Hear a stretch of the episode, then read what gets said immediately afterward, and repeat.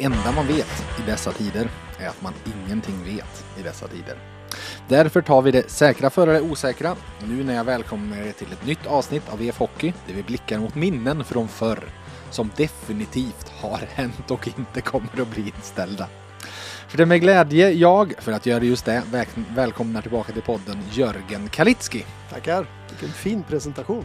Ja, ni skulle ju, ni lyssnare, ni skulle ha fått en eh, Veckans lagpodd i måndags sa vi Det slog vi fast veckan innan när vi då plötsligt spelade in en vi inte trodde vi skulle spela in. Men nu blir det inga matcher och nu blir det ingen match torsdag kväll och så vidare. Covid-kaos, ska vi säga det? Ja, det är väl det minsta. Ja. Det, är, jag vet inte, det finns väl de som tycker att man borde skrota resten av säsongen. Och Det börjar väl närma sig ett sånt läge, tycker jag, Mm. ska jag lägga till. Mm. För det tycker ju inte du. Eh, Nej men alltså jag, jag är optimist i grunden så att jag ser att eh, jag tänker ju att omikron nu och så sen så blir det massimmunitet och så går det vidare och så kommer det lugna ner sig om några veckor. Det jag, tror och jag på. jag som ser det halvfulla glaset. Jag Ja. ser tre sjuka spelare borta i Peking. Ja. Ja.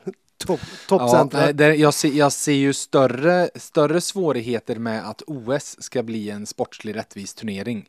Nu kom det precis att Heidi Weng, norska skid skidstjärnan, har åkt på corona och kommer ju inte kunna komma iväg. Liksom. Eh, Och jag läste en krönika av Thomas Pettersson i Expressen som skrev om, beskrev henne som den mest coronarädde av dem alla. I, och typ med rubriken kan hon smittas så kan alla smittas.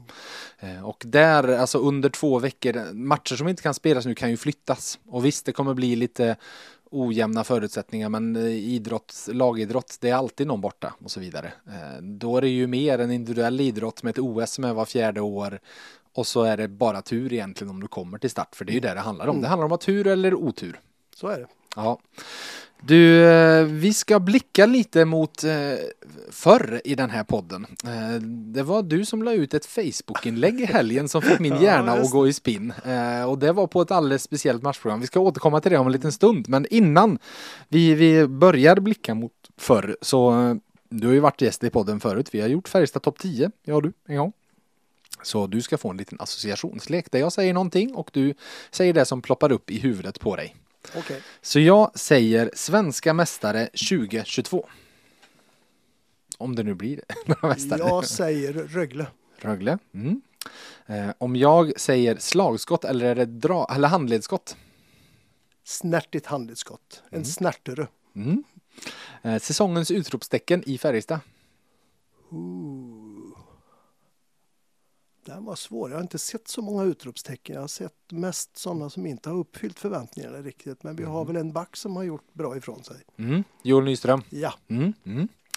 Du, om jag säger höfttackling eller, eller en riktig bröstvärmare. bröstvärmare open ice varje dag. Ja. Tre Kronors placering i OS 2022. Nu du, det är 10 miljoners frågan. Ut i semi. Ut i semi. Mm. Eh, säsongens frågetecken i Färjestad då, om du ska plocka ut ett. Som inte har motsvarat förväntningar. Mikael Wikstrand. Mm. Slutet på coronapandemin är jag med här. När? Ja, så fast. Ja, danskarna tar ju bort allting från första februari. De Ja. tror ju att det är över då. Och Sverige kommer det precis ha förlängt restriktioner här Men eh, till hösten kanske. till hösten. Mm. Och sista då. Färjestads huvudtränare hösten 2022. Oh, jag hade ju hoppats på han som inte kom. Han som du delar namn med. Ja, jag säga. precis. Jörgen Jönsson. Jag hade stora förväntningar på det, men jag, jag vet inte riktigt hur turerna gick det. Men jag är inte helt säker på att Jörgen var så pigg på en comeback. Nej, jag har försökt att lyssna runt lite eh, och vi har väl inte skrivit så mycket om det så ni kan väl få lite. Nej, men så här, jag tror att det dels så tror jag att relationen Jörgen Jönsson och Färjestad de senaste åren har varit ganska mycket av en icke-relation. Mm. Eh, jag tror att Rickard Wallins intåg ändrade på det, Ja, men Rickard Wallin klev in för två månader sedan. Mm. Eh, Rögle, eller Rögle nu, Växjö, där han ju hamnar, han och Henrik Evertsson, den relationen har byggts de här åren istället. Så ja att- jag tror att, att det var redan för sent. Ja, det är Ja. nog mycket möjligt Ja. att det kan ha varit så. Sen kan man ju, det är väldigt lätt att se för Jörgen Jönsson att hans första huvudtränarjobb, att då ta det i klubben där hans tröja hänger i taket, man har mycket Ja, att förlora. är sant. Fallhöjden är stor. Ja. Men då gör vi om, då gör vi så här då, då, då utser vi Rickard Wallin till ny VD för att det behövs en förändring. Och så gör vi Jörgen Jönsson till sportchef. Är du med på den? Ja, just sportchef tror jag nog det är det sista du får Jörgen Jönsson att gå med på för Det är det. klart om man inte har några ryggsäckar som man hade på den tiden. Nej. Ja, nej, just den, men jag tror nog, så här är jag ganska säker på att han kommer att träna Färjestad eh, någon gång framöver, speciellt med Rickard nu i, eh, i den rollen han har, med den makten han har. Eh, för att han var ju väldigt tydlig med, med sitt intresse för Jörgen. Mm. Eh, så att någon gång tror jag nog det kommer att ske. Men eh, det blir spännande att se. Det kom ju information, Expressen skrev om Thomas Mittell förra veckan och alltså det är givetvis att det är ett namn Färjestad har på sin lista för att det är ju så det ser ut nu. Nu har de en lista på en fyra, fem namn som de sitter och tittar på och det har ju Rickard Wallin pratat eh, i VF om. Att det finns några olika alternativ. Han är ju ett namn, Johan Penneborn är också givet Ja. ett namn. Liksom säg att de får ihop det här och han går och vinner SM-guld. Då, då, då, då har han plötsligt gjort det som alla har haft hållit emot honom de här åren. Att ja, men Penneborn, han kan ju få ett lag och göra massa mål och så vidare men han vinner ju inte slutspelet och så vidare. klart. Så har det låtit. Ja, så att det, det går att vrida och vända på det. Um, åt, åt alla håll och vad, vilka möjligheter och det finns. Men du, det är du som skulle svara då. Vem tror du Jag då? skulle svara. Men- Om du måste lägga en eh, jag- hundring på någonting. Ja, men jag tror att man, man, så nu har det ju sett lite stabilare ut så att man kanske reder ut det hyfsat så att man tar sig till en semi eller någonting sånt och så skriver man ett kort kontrakt med Penneborn. Ett förlängt, ett förlängt eh, kanske på ett eller högst ett plus ett eller någonting sånt. Mm. Eh, Vilket sen- jag tror han skulle gå med på med sitt, för att det, han har ju jättefärjestad-hjärta. Ja. Det är han ju väldigt öppen Ja. med. Liksom. Eh, Jag såg att, att man förlängde ju i Karlskoga med sina tränare så Mm. att det hade väl annars varit kanske lite intressanta namn. Mm. Om de är mogna, jag vet inte. Nej, det är detta. Det är Mm. detta. Ja, nej, men eh, det, det är väl eh, det jag ofta brukar prata om när man, man tittar på sånt här. Ja, Men man, det är lätt att säga att man vill ha bort något. Man vill ha något nytt. Ja, men. Men man måste ju faktiskt känna att man verkligen byter till någonting bättre. Annars så ska man ju inte byta. Då gör man ju inte sitt jobb. Det fanns ju en period här när, när det gick tungt för Färjestad och man ropade på alla konstiga namn som både Per Bäckman och Leif Bork och, och Wikegård. Och, Och Peter inte, allt. Andersson och Ja, allt. ja. Vilket jag tyckte, ja. Mm. Jättemånga konstiga namn och, och folk förstår kanske inte heller att det här är en, en färskvara som, Mm. som att det var en annan tid när Borken ledde sin brigad. Mm.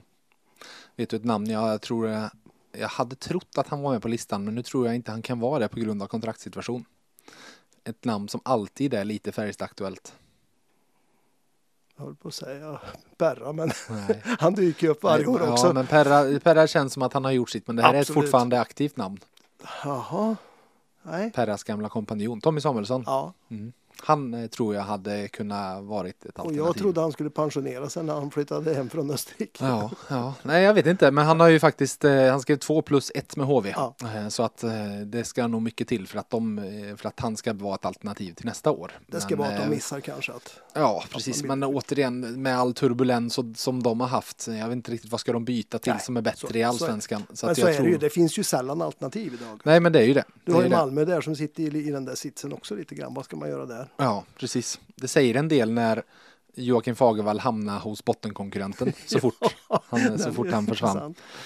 Du, nej men som sagt det är det som händer nu men vi tänkte blicka lite bakåt eh, och vi sitter i ett väldigt, väldigt värmländskt speciellt rum. Ska du beskriva vad vi har runt oss Jörgen? Vi sitter, jag tror att det är ett gammalt bankvalv va? Det är det. Ja, och det är en riktigt häftig dörr som jag hoppas inte slår igen medan vi håller på här. Precis, där kommer aldrig få. Eh, Det är tidningar från golv till tak, en gammal papperstidningsälskare som jag känner sig ju jättehemma här. De äldsta tror jag var från 1918, va? Ja, ja. 1819. Och så ända fram till dagens aktuella datum. Det är alltså VFs stora arkiv i källaren strax in till torget i Karlstad. Mm. Grym lokal alltså. Ja det är det. Här finns, ju, här finns ju allt för att det är väl det. Hade det varit ett, ett rum där tidningarna från 1918 fanns, eh, ja det är väl en sak men det är alla tidningar från 1918 till 2022. Och Ja, då super- börjar det bli häftigt. Ja, det är superhäftigt.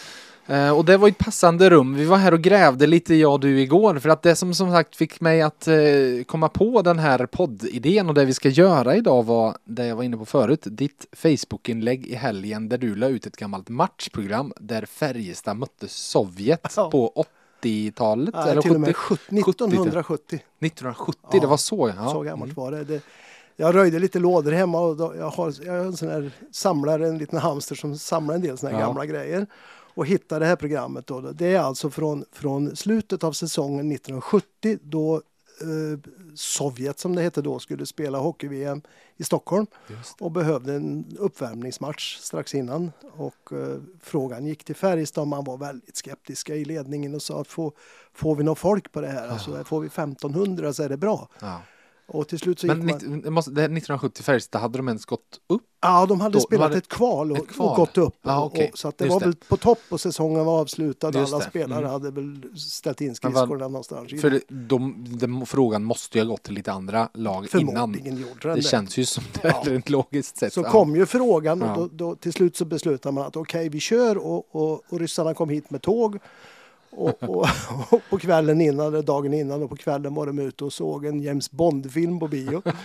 och sen så spelade man av den här matchen. Där kom alltså 9600 åskådare till gamla ishallen och det var ju to- och jag, vi körde från Hällefors. Ja.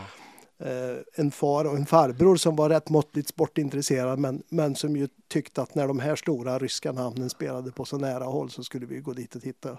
Det gick nog runt. Ja, och vi kom sent så, så jag då som var väldigt liten till växten hamnade på liksom den näst nedersta plankan på ståplats på Ah. kortsidan. Och fick väl se det här över axlarna men det var ju superhäftigt. Ja. Det, en stor seger för ryssarna. Ja, det, det var kanske, vad vi nu ska prata om, Det att var ett betta pengar på fantastiskt någonting. lag alltså Ja. med, med i ett generationsskifte där men med alla de gamla namnen. Ja, plus Tretjak i mål och så Jajamensan, vidare var det ju. ja. Ja. Men det var väl innan eh, KLM-kedjan. De hade väl inte, eller var nej, de, de hade inte nej, kommit än utan det här var senare. Shalam, Michailov och Ja. Petrov. Så att Mm, det var precis. generationen före det. Ja, Deras. Jönssonliga. Deras Jönssonliga, ja, precis, precis. Du, Sen värjde jag mig lite grann när den här frågan kom från dig. ja, för att, Eh, Därför att jag är sådär, jag är inte sån där riktig nostalgiker och är lite dålig på gamla resultat och siffror. Och, eh, ingenting var ju egentligen bättre förr men det var lite annorlunda och sen så började jag titta och så tänkte jag, men jävlar om man får säga så, vad många intressanta matcher man har varit med om. Och så gjorde jag här på skoj någon slags översiktsberäkning och såg att jag hade gjort både fler matcher än både Mattias Johansson och Per Åslund. Så att, ja. Eh, där kanske finns något att berätta tänkte jag. ja, för jag tror faktiskt inte jag har sagt det här ännu, var, var, vilken fråga jag ställde till dig. Nej. För det vi har gjort då är att titta bakåt och titta lite med en personlig touch på matcher som vi har upplevt på plats Mm. eh, genom åren. Eh, och, eh, och, och, och helt enkelt ska vi ta med er lyssnare på en liten resa bakåt i tiden till dem. Eh, ska vi göra så att jag börjar och tar det första? Kör!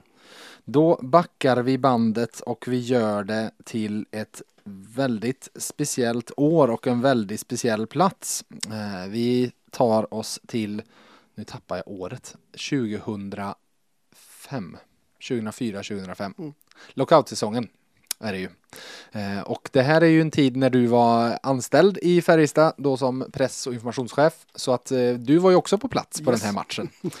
Jag tror jag vet vilken du tänker på. Ja, exakt. Eh, Vi, ni lyssnare vet precis vad jag pratar om när jag säger att tidningsrubriken i VF inte dagen efter, för det kom ingen tidning dagen efter, för den här matchen utspelar sig på skärtorsdagen. Så det kom en tidning på lördagen på påskafton. Då var rubriken Tidernas skandal. Och det är väl lätt, jag kan, eh, jag kan läsa eh, ingressen som jag hade skrivit då i tidningen eh, fr från matchen. Signalen gick, men tiden var inte ute och pucken gick i mål. Här är berättelsen om kaoset i Frölundaborg. Det är en skandal, säger han som sköt in pucken, Mikael Johansson. Eh, börjar texten så här. Sista matchen någonsin i Frölundaborg kommer för alltid bli ihågkommen för de fem sista sekunderna. VF-sporten fanns på plats mitt i kaoset mellan avbytarbåsen. Allt börjar med en tekning i offensiv zon med fem sekunder kvar. Thomas Rodin och Ronny Sundin börjar tuppfäktas innan pucken släpps. Men av någon anledning går klockan till 19.58. I sekretariatet fanns nästan samma tid som i tio års tid på Frölundas matcher. Men han som vanligtvis har hand om klockan var sjuk. Ersättaren som togs in skulle dock kunna hantera matchklockan. Tiden ställs tillbaka till 19.55, pucken släpps och far ner i hörnet. Då ljuder ljudsignal, slutsignalen, trots att fem sekunder inte har gått.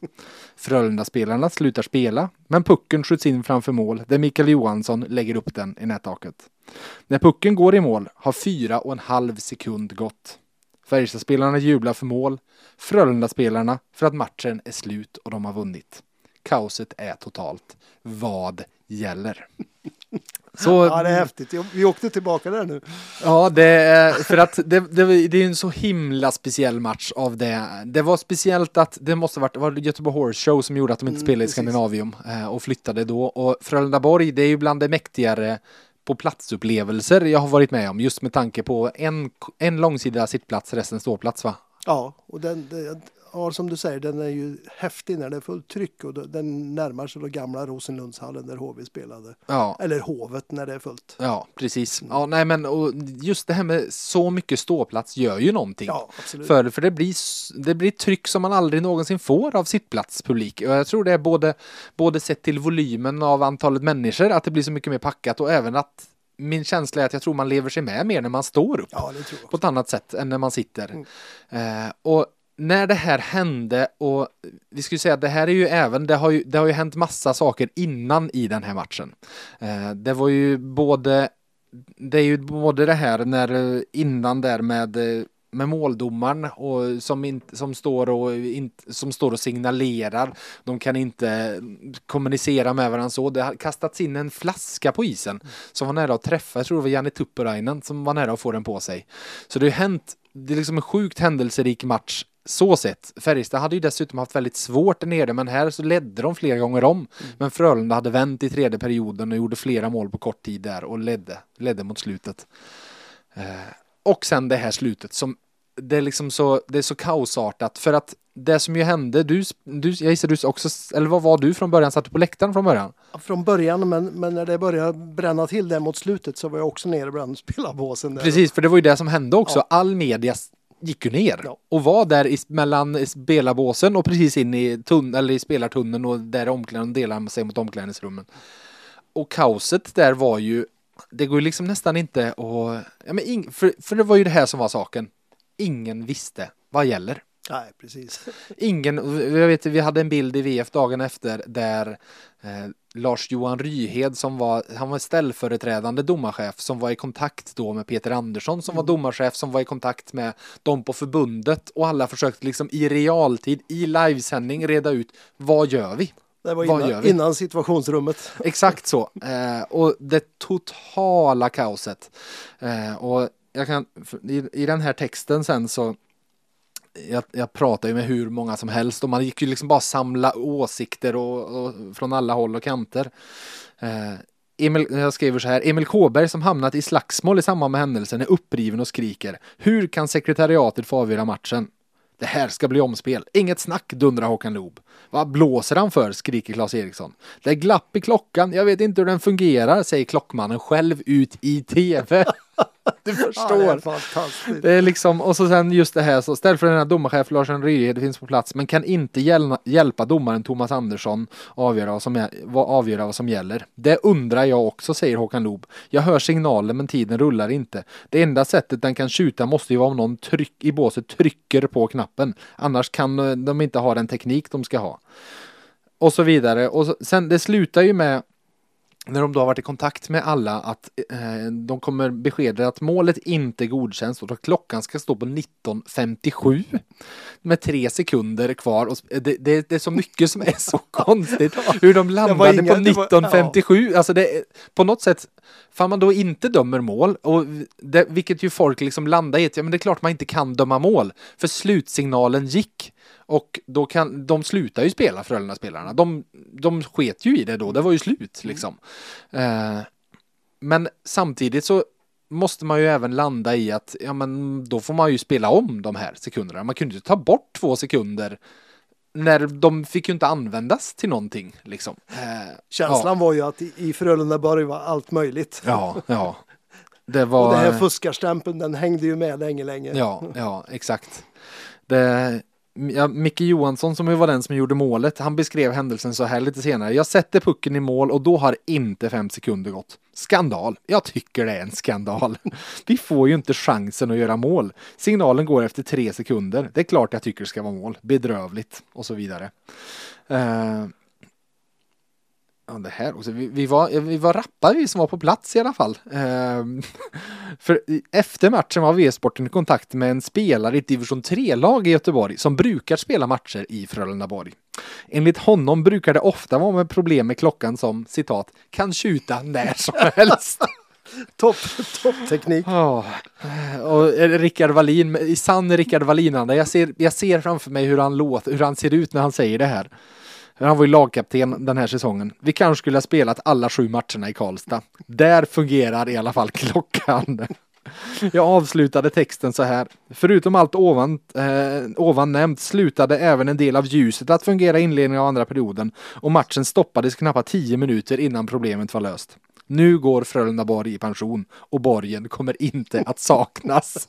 Den har väl inte riktigt gått. Den blev väl, eh, den gick ju i pension i, i den formen i alla fall och blev väl renoverad till Frölunda Campus som ja. de nu spelar till CHL i. Vi får väl tro att de i den renoveringen så ingick det en ny matchklocka i alla fall. ja, det får vi hoppas. Ja, det kändes som man målade på lite smink på en gris alltså, för den där arenan var ju skrot redan på den tiden. Ja, ja, det var, ja, det, med facit i hand så är det helt sinnessjukt ja. att det kunde spelas matcher där. Eh, dessutom så har jag sådana tydliga minnen av det här, för som sagt, det var på en eh, skärtorsdagen. Vi skulle inte ha någon tidning. Eh, men vi, eh, det här var ju liksom när internet började i, på det sättet att slå igenom mm. så att vi, vi började publicera mer och mer där. Eh, och det lite, för att vi då ska prata VF-anda som både du och jag är ytterst ja. bekant med så mejlade vi texter till han som då var webbansvarig som satt hemma på en fest på skärtorsdagen och satte och la ut texter. För han givetvis, han jobbar ju inte då men det är klart man hjälps åt. Mm. Och ser till att allting kommer ut, för det kunde ju inte vi göra därifrån. Det fanns ju ingen möjlighet. Men vi fick ut lite text och lite bilder och så vidare och sen så följde vi upp dagen efter med en massa saker. Eh, och det, vi skrev faktiskt sen dagen efter och var i kontakt med domar, nu ska vi se, tävlingschef. Eh, vad heter han nu? Han heter Lars G Karlsson på förbundet. Eh, som pratade om att det regelverket efter det här skulle skrivas om för att det som var det röriga i dagens regelbok står det i händelse av att tvist skulle uppstå beträffande tiden har domaren alltid det slutgiltiga avgörandet. Och det var ju lite luddigt, vad, vad innebär det och så vidare men det är klart man aldrig tänkt att det här skulle kunna hända. Att matchklockan skulle nej, kunna nej, tjuta samtidigt som tiden uppenbarligen inte är slut och så vidare. Det var lite tur ändå att det inte var i moderna tider med, med alla kameror och filmkameror och modern ja. teknik. För det sades ju både ett och annat, både i det korridorerna och mm. mellan båsen där. Mm. Och flera spelare som eh, ja, tyckte en del om funktionärerna där också. Så att, ja, det var hett. Ja, eh, tjockis-Salo var milda ord i jämförelse. Ska vi ja, säga så? Ja, det kan vi säga. Ja, men där hade ni min första match, eh, tidernas skandal i Frölundaborg, en match jag aldrig någonsin kommer att glömma. Men då... Och inte du heller. Nej, verkligen inte. Det var svettiga dagar. Men du har inte valt den? Nej, jag har inte valt den, men jag har också valt en, något av en domarskandal. Mm. Mm. Spännande. Vi förflyttar oss då till 11 januari 2007. Mm. Och vart är vi då? 11 januari 2007? Mm. Ja, det, jag jobbar ju. Eh, jag började ju på VF 2006 ja, så att det är ju under... Din kollega fanns på plats. Ja, vilken av dem? Någon på J förstår J Hedlund. J Hedlund, ja. ja.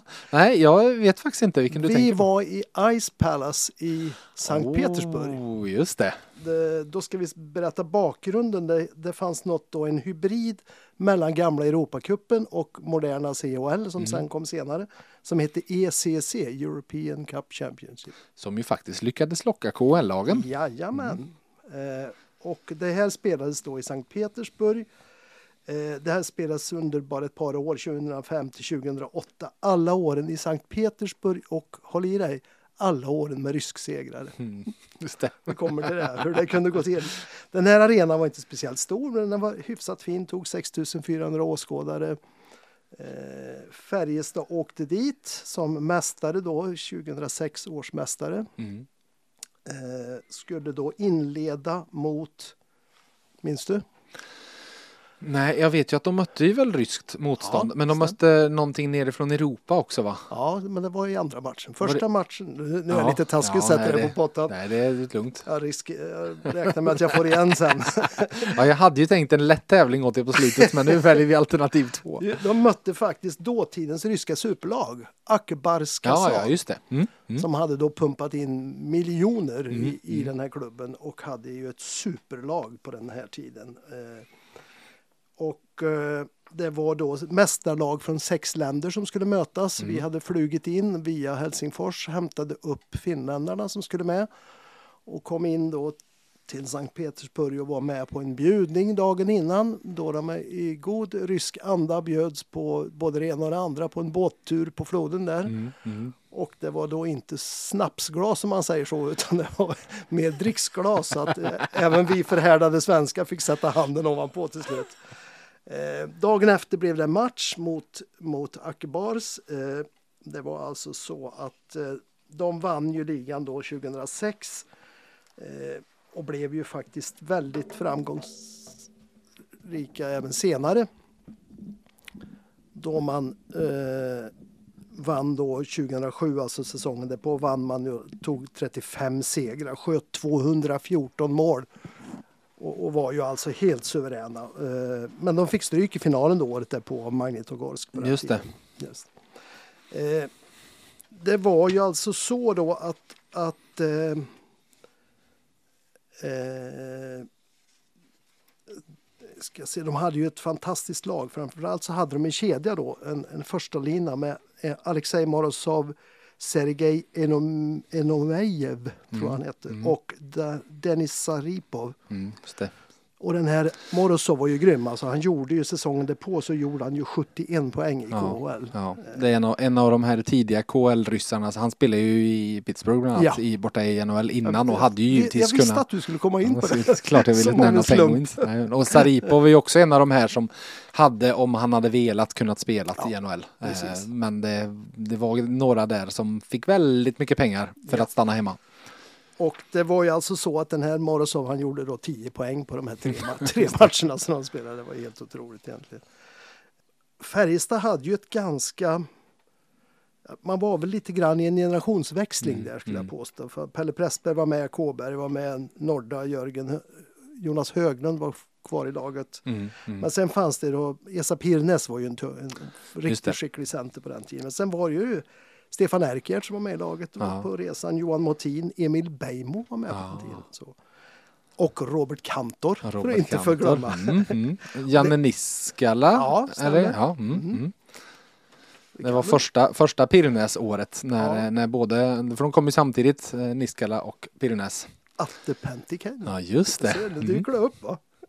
Robert Kantor, Johan Motin, ja. Krippe Söderström. Ja, just det. Eh, ryssarna, ja, precis. Ryssarna tog ju ledningen där, 1-0, 2-0 innan det gått sju minuter. 2-1 Kåberg. Sen lyckas Jonas Höglund kvittera innan pausen. 2-2. Pirnes sköt 3-2 och Morozov gjorde 3-3. Nikolin 4-3 och sen så började det här lite grann då. Prästberg kvittera i powerplay, 4-4. Och sen, sen så kom ju den här snurren totalt då. Alltså i samma minut som det här inträffade då får de en chans. Krippe gör 4-2 Ja. tror vi allihopa som är där och börjar jubla och känna att nu är vi i final i ECC. Men så var det inte. Det blev bortdömt. Man påstod att målburen var flyttad.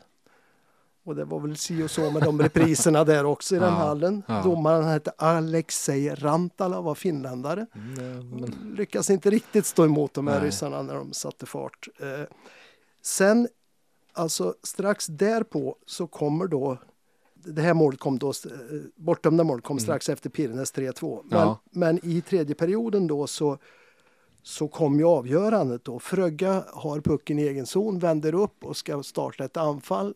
Så kommer Saripov, trippar honom, tar pucken och gör mål. Och domaren står eh, ungefär tre meter därifrån och på tv-bilderna så ser man hur domaren står och tittar på situationen och släpper allting, gör washout, ryssarna gör mål och sen så gör man fyran i, i eller se- sexan i tom bur senare. det. Och det var ju också ett hallå, en Mm. liten parallell till det här. Och Vi Hur- vevade i armarna och Lob vevade i armarna och alla, men vi var dåliga på ryska så att det, Det var blev- ingen som förstod er Nej, det ändå. blev lite kämpigt där. Så att, så att, eh, sen så, så dagen därpå då så, så förlorade man ju då mot Lugano sen. Lugano var det, ja. med Just det. Med 3-0 så att, Mm. att luften hade gått ur med den här Mm. matchen. Men, Mm. men Färjestad gjorde ju en fantastisk match och det här var ju det här var ju en tid då liksom Färjestad var ett topplag i Europa, vilket Mm. man kanske inte riktigt på samma sätt är idag som man, man var då, Nej. vill jag påstå. Eh, Så att eh, domarskandal där också. Mm. Vet du vilket eh, tydligast minne jag har av den här resan? Johan Hedlund som sagt var ju utsänd för oss. Vi skickade ju honom. Han flög väl, ni flög ju i samma plan alla. Vi fick väl med någon i NVT också, hade någon, någon med där. Eh, Jag tror, jag har minnet är så här att med, vi fick ju betala för flygbiljett givetvis och så, det kostar med hotell och så, så jag tror att eh, kostnaden för VF för hela resan och så blev runt 10 000 för att skicka honom dit. Sen kom mobilräkningen. För så här var det, att det här var ju i princip innan internets tid och vi var i Sankt Petersburg och så vidare. Eller ni var i Sankt Petersburg. Ehm, och Johan hade ju mejlat hem texter och så, det var ingen fara. Men sen, för det, man måste ju göra lite andra grejer runt också, så då hade han gjort ett reportage om materialarna. För bilder från turneringen, hade vi liksom, matchbilder och så, det fick vi någonstans ifrån. Ehm, Men eh, på materialarna har han gjort så han har i princip tagit ett, det vi kallar för en feja, alltså en ja, men uppställd bild på materialarna i Precis. omklädningsrum, eller ansiktena bara för att få dem eh, så sett. Skickade två eller tre bilder totalt. Eh, Jag tror han skickade en på platsbyline också på sig själv och så två bilder på materialarna. Kostnad för de tre bilderna var 10 000 i mobilfaktura. Så det kostar lika mycket att skicka några megabyte data från Ryssland som det kostade att eh, hela resan med hotell och flyg och eh, allting. Ja, det var, ja, vi bodde ju jättebra, vi, Ja. men enda problemet var att det var uppror bland spelarna ganska snabbt därför att det var samma buffé till frukost, lunch och middag. Exakt samma rätter och samma skålar så man, man var ju orolig för vad Hur det länge det skulle hade sluta. stått framme. Ja, verkligen. Så det var riktigt skumt. Och sen hade vi med då ett antal sponsorer på den tiden som då bodde på ett av de absolut finaste hotell jag någonsin har sett. Ja. Med, med en kvinna som spelade harpa i foajén. Så det var en otrolig upplevelse detta. Men, men det, var, det var intressant och en, en domarskandal och det var väl egentligen ingen tillfällighet att ryssarna Nej. vann det där varje år. varje år. Vi kan väl säga att de kanske hade varit favoriter i vilket fall, Ja, eh, sett absolut. till klassen på några av spelarna. Men eh, ja, mm, det, var, eh, det, var, det var väl en härlig resa så sett. Eh, ni lyssnare, innan vi går vidare och blickar tillbaka till några andra matcher, så, eh, så, så i varje avsnitt så får ni ju chansen att vinna en biljett till finalen i VF Hockeys stora lyssnartävling som vi har tillsammans med Christer på ICA Maxi Bergvik. Men nej ni, jag får inte dela ut någon finalbiljett den här gången heller. De ständiga coronaflyttarna gör att matcherna där ni skulle gissa rätt tidpunkt för första mål, ingen av dem har spelat sen av dem som vi har igång i tävling.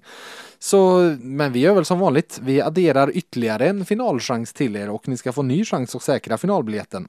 Eh, ni vet att det ni Förutom finalbiljett så är det ju ett presentkort 500 kronor hos Christer på ICA Maxi och en bag från VF. Så ni får lyssna riktigt noga nu på Christers fråga denna vecka.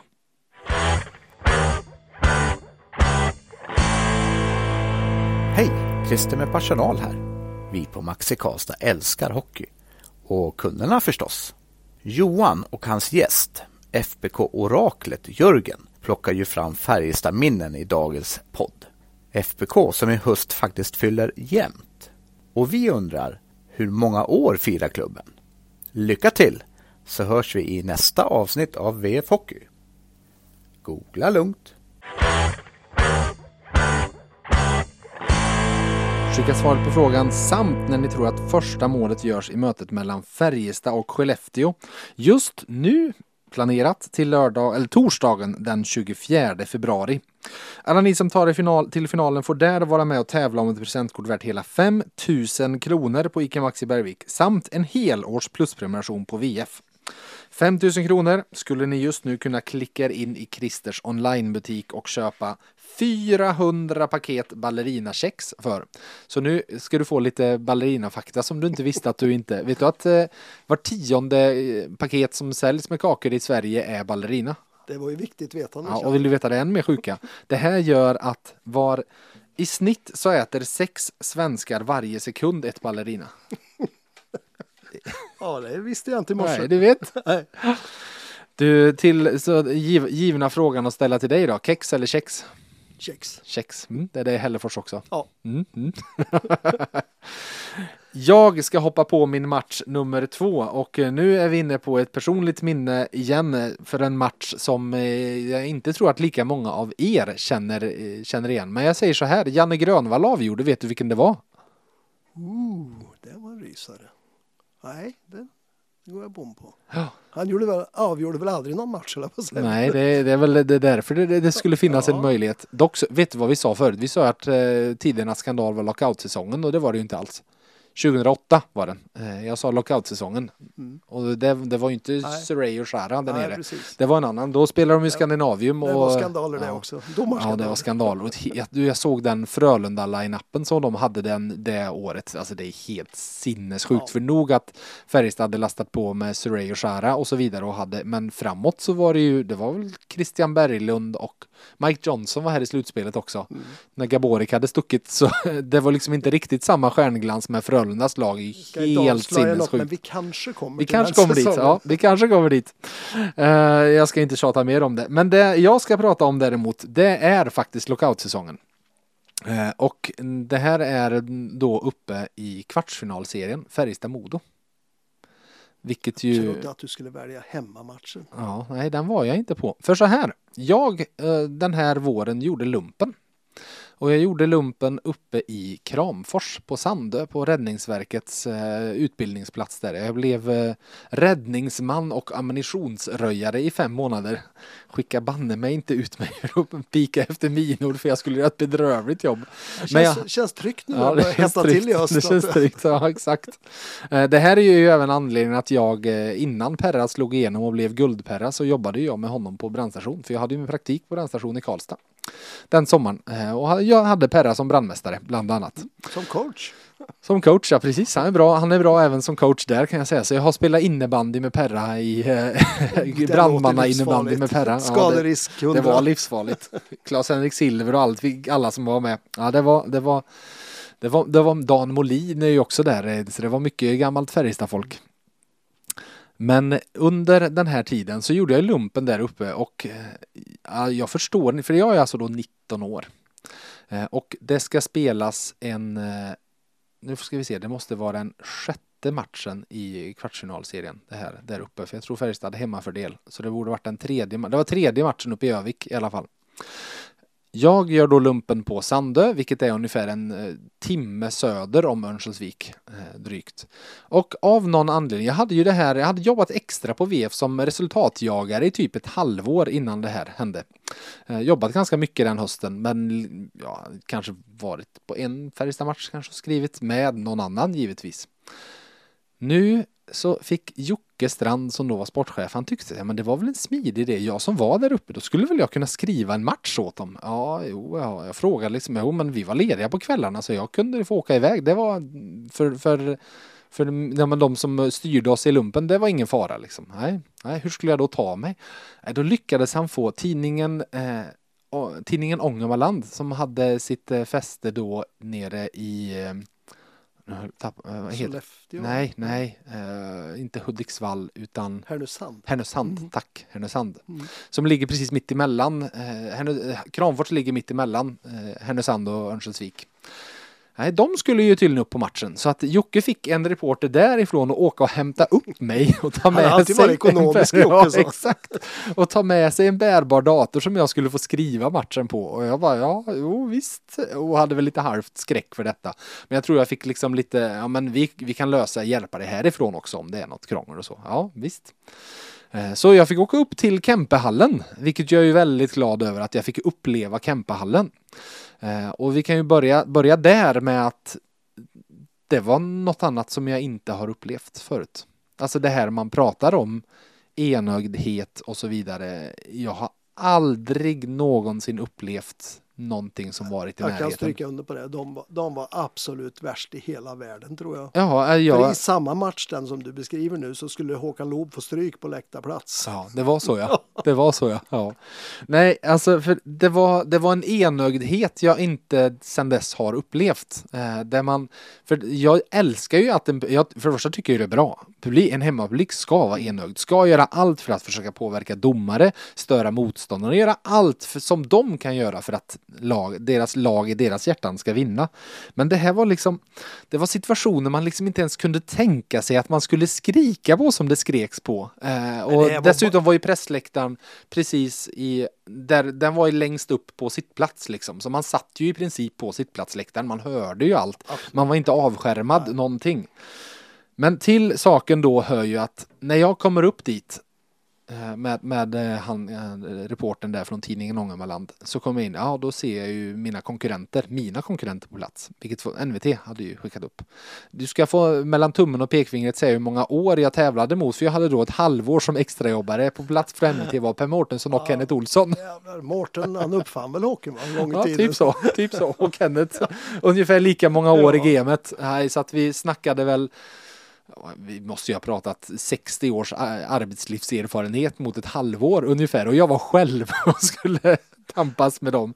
Eh, och det var ju en väldigt speciell match eh, där eh, Modo gick upp i en 2-0-ledning och ledde med 2-0 inför sista perioden.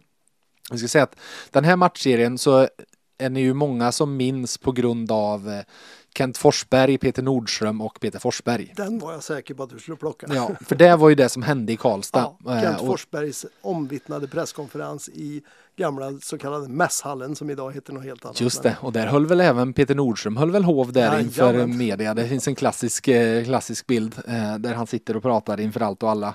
Eh, och Kent Forsberg satt och pratade om att han inte ville att hans son skulle speta, spela med Peter Nordström i landslaget och så vidare. Det var, Precis, de skulle vara tillsammans på VM. det var hårda ord.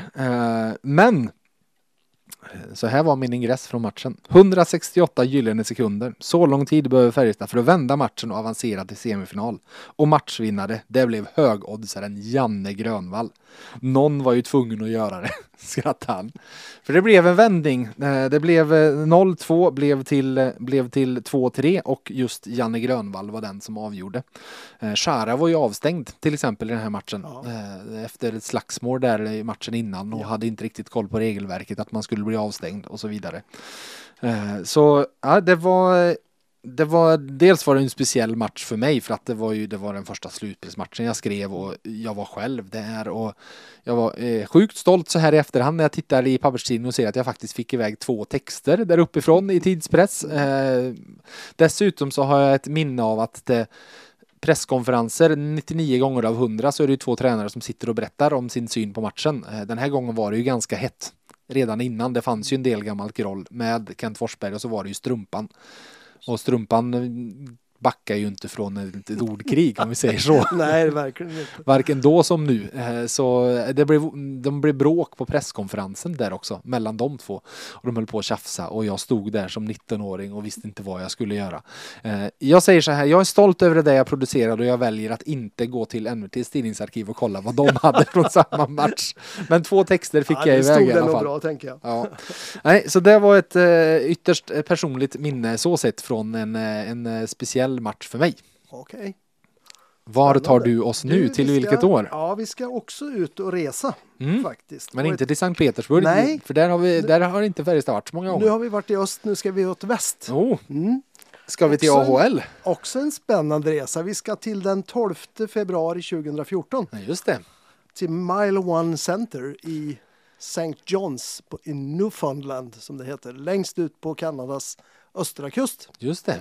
Då Färjestad skulle möta alltså AHL All Stars som laget hette och skulle som första SHL-lag någonsin få spela i Nordamerika mot, mot de här. Och det var ju lite spännande. Det hade ju föregåtts av, av mycket förberedelser det här och det var ju en stor sak. Det var direkt sända presskonferenser och vi, vi rattade där och på den tiden så var det ju inte bild och ljud utan Nej. då var det mobi- alltså högtalartelefon Just som vi det. fanns med på från, Ja. från Karlstad till, till dit. Mar- Färjestad marknadsfördes ju då där borta som som ett av ligans framgångsrikaste organisationer någonsin. Mm. Så de, man kom ju med ett rykte dit. Ja, alltså. Precis. man talade om att det var 19 finaler och 9 mästartitlar. Och, och man pumpade ganska bra, som de är duktiga på där borta Mm. också. Va? Paketering, det kan de sannerligen. Jajamän, det var de riktigt bra på. Och då, då skulle man sy ihop det här på ett vettigt sätt så, så skulle det då vara en, en eh, skills competition eh, dagen innan, Just det. tisdagskvällen. Färjestad åkte med en ganska stor trupp. Också ett sånt där läge där man då var lite mitt emellan. Man hade väl egentligen inte så riktigt bra lag om vi ska vara riktigt ärliga. Nej. De där åren. Eh, Jag ska inte sätta det på, på, på det harda här men, men Ludvig Byström var ju en av backarna till exempel. Eh, Sean Bell och, och Ville Westlund. Mm. Magnus Nygga var ung då och var med. Arell och Lionen. Shillington var ju het där borta för han skulle ju draftas så småningom. Så att vi fick ju då skicka en, en hur uttalas hans namn till, till deras radio och tv-reportrar. Shillington. För övrigt, eh, när vi är inne på namnet så får vi säga att det är häftigt att se att han nu faktiskt har slagit igenom på riktigt i I Nordamerika. Calgary och spelar riktigt, riktigt bra. Ja, ja, Ja. ja. Han kommer att skriva ett fint han har nästa gjort kontrakt. 35 matcher, 19 poäng. Jag kollade Mm. upp det faktiskt. Eh, Ja. I mål stod Ja, nu ska vi se. Jädrar, nu ja, ska du få tillbaka. Ja, men, men nu ska vi se. 2000... Kultgubbe. Ja, ex- Men, eh, Egentligen så var det väl PV Pettersson Wenzel som ja, var just det. förstemålvakt. Men, Men var Heino? nej, han nej, har inte kommit hade- riktigt än. Eh, Jo, Pekka han hade-. Pekka. Nej men är det Pekka! Det dök är min upp. favorit. ja, visst. Eh, Heino hade varit innan han. Ja. Ja, just det. Eh, Oskarshamn och Zürich och så där försvann Ja. ju PV sen så småningom. Ja, Jag vet inte, han har väl nästan lagt av tror ja, jag. han Eh, eh, är travskribent skulle jag Ja. säga snarare. Leffe Karlsson var ju coach på den här tiden. Man hade, det var en forwardsbesättning som inte heller var så där superhäftig. Då. Men, men det som var häftigt om vi börjar liksom på skillsgamen som var dagen innan så fanns det ju två saker där som var superduper häftiga. Magnus Nygren. Magnus Nygren som gjorde vad, kommer du ihåg? Ja, han sköt ju hårdare än vad någon Ja. annan hade skjutit på skills competition någonsin i AHL. Precis, Precis, han dunkade alltså på ett skott där som Har du siffran? jag måste fuskläsa någonstans här i mina papper. 104,6 miles per hour. Ja, just det. som man räknade borta Ja. då, vilket alltså då motsvarade 168,34 kilometer i timmen. Nytt AHL-rekord. Han slog ett sex år gammalt rekord. Och, och är det något som de gillar där borta så är det rekord. Ja. Eller biggest eller first eller Ja, ja, så. Exakt. Så han blev ju jättestor där direkt. Och man började direkt jämföra med någonting annat. Vet du vad? Charas NHL-rekord. just det. Just det. Som ja. då var 108,8 miles. Ja, okej. Just det. Eh, som han hade satt 2012 då. Eh, 175 kilometer Ja, i timmen. ja. Eh, så det här var ju jättestort. Han blev ju alla och ingen hade ju hört talas om Magnus Nygren. Men, men här blev han över en, på några sekunder blev han jättestor. precis. det var ju liksom det ena som, som var, blev riktigt, riktigt stort. Vad var det andra? Vet du det?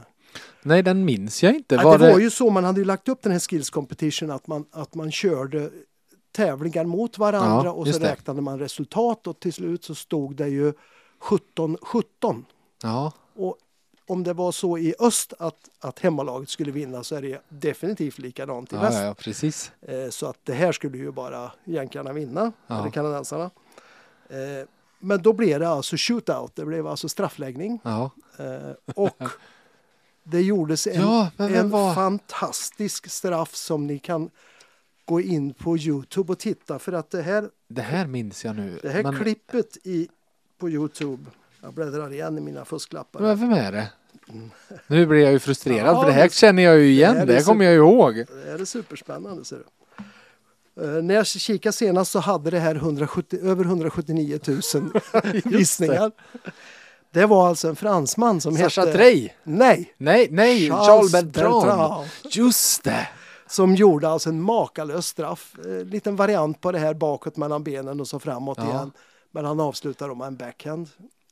Just det. Och det är riktigt, riktigt snyggt. Ja. Och han, han hade ju liksom aldrig gjort något liknande tidigare och inte efteråt heller tror jag. Men, Men han det- gick, fick en ganska fin karriär. Han spelade ju Ja, ett då. antal år i Finland, Finland, där sen ja. och så gjorde Både före och efter spelade Ja, han i precis. Och gjorde liksom en 25-30 mål något då, år i Finland tror jag. Han spelade OS-kval för Frankrike nu senast. Ja, Och- nu är han väl hemma i Frankrike och, mm, och spelar tror det. jag. Tappara spelade han senast. Ja, Eh, Så, så det där var ju stort. Så, att, så förväntningarna när matchen började dagen därpå var ju jättestora. Och det här spelades då i St. John då, som Mm. ligger så långt ut österut i Kanada man kan komma. Mm. Eh, Man hade plockat ihop ett All-star-lag då av de allra bästa AHL-spelarna. Det, det var väl egentligen, om man ska vara ärlig, inte sån där mördarårgång heller. Va? Mike Hoffman har jag för mig var med. Och spelade i Ja. AHL-laget. Möjligt. Mm, Han Det var- fanns ju någon, TG Brennan var ju en sån här som, som Mm. fanns med. Chad Billings en, som hamnade i HV sen så Mm, småningom. Brett Connolly Mm. gjorde 500 matcher för Chicago bland annat. Eh, Hade bra år i Washington. Eh, en målvakt som heter Dustin Tokarski. Mm, eh, precis. Jake Allen, Mike Hoffman. Du sa Mike, Mike Hoffman, ja, du ser. Det var Ja, han. det är bra. Han är nog den som har blivit Men han har ju bäst inte av ens dem. varit i Pittsburgh men han Nej, haft nej, koll nej. på. Mike Hoffman har jag stenkoll på. Jäkla skott. Ja, det fanns en som heter Brandon Pirri som var rätt hyfsad Mm, också i den här matchen. Han spelade Chicago, Vegas, Florida, Anaheim Rangers. De hade ju... Än så länge så säger jag Mike Hoffman och Jake Allen är de som har haft finast NHL-karriärer därefter.